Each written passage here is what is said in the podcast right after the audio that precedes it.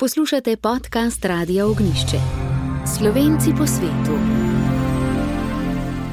Na nedavnem novoletnem sprejemu stranke Slovenska skupnost v Italiji je predsednik Furlanije Julijske krajine Massimiliano Fedriga izpostavil vlogo slovenske narodne skupnosti kot temeljne komponente dežele in omenil oblikovanje novega deželnega volilnega zakona, po katerem bi lahko slovenska manjšina v deželni svet izvolila svojega predstavnika tudi brez povezav z italijanskimi strankami.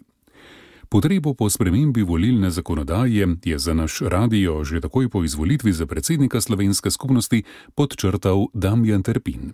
Tedaj nja volilna zakonodaja sili menšinske stranke, zaenkrat samo slovenska skupnost je se tega mehanizma poslužila, da se mora povezati z drugo vsedržavno stranko in narediti eno dosečen odstotek, kar pa je vedno te težje. Po drugi strani pa je ta povezava tudi neka politična blokada, saj stranko veže na eden ali drugi politični pol.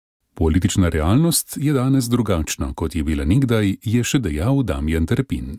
Mi si prizadevamo za to, da bo Slovencem v Italiji bolje in to bolje nam ga lahko da leva ali desna večina, tista, ki pač je, ampak ne moremo več živeti na mišljenju, da samo levica na oblasti lahko nekaj da slovencem in desnica, ki je na oblasti, samo lahko škodi slovencem. Ker dejstva ne govorijo več v tem smislu mislim, da je to dobro.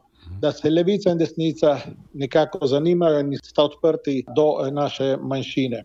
Krovni organizaciji Slovenske narodne skupnosti v Italiji, Svet slovenskih organizacij in Slovenska kulturno-gospodarska zveza napoved novega deželnega volilnega zakona sprejemata z zadovoljstvom. Bodimo povezani.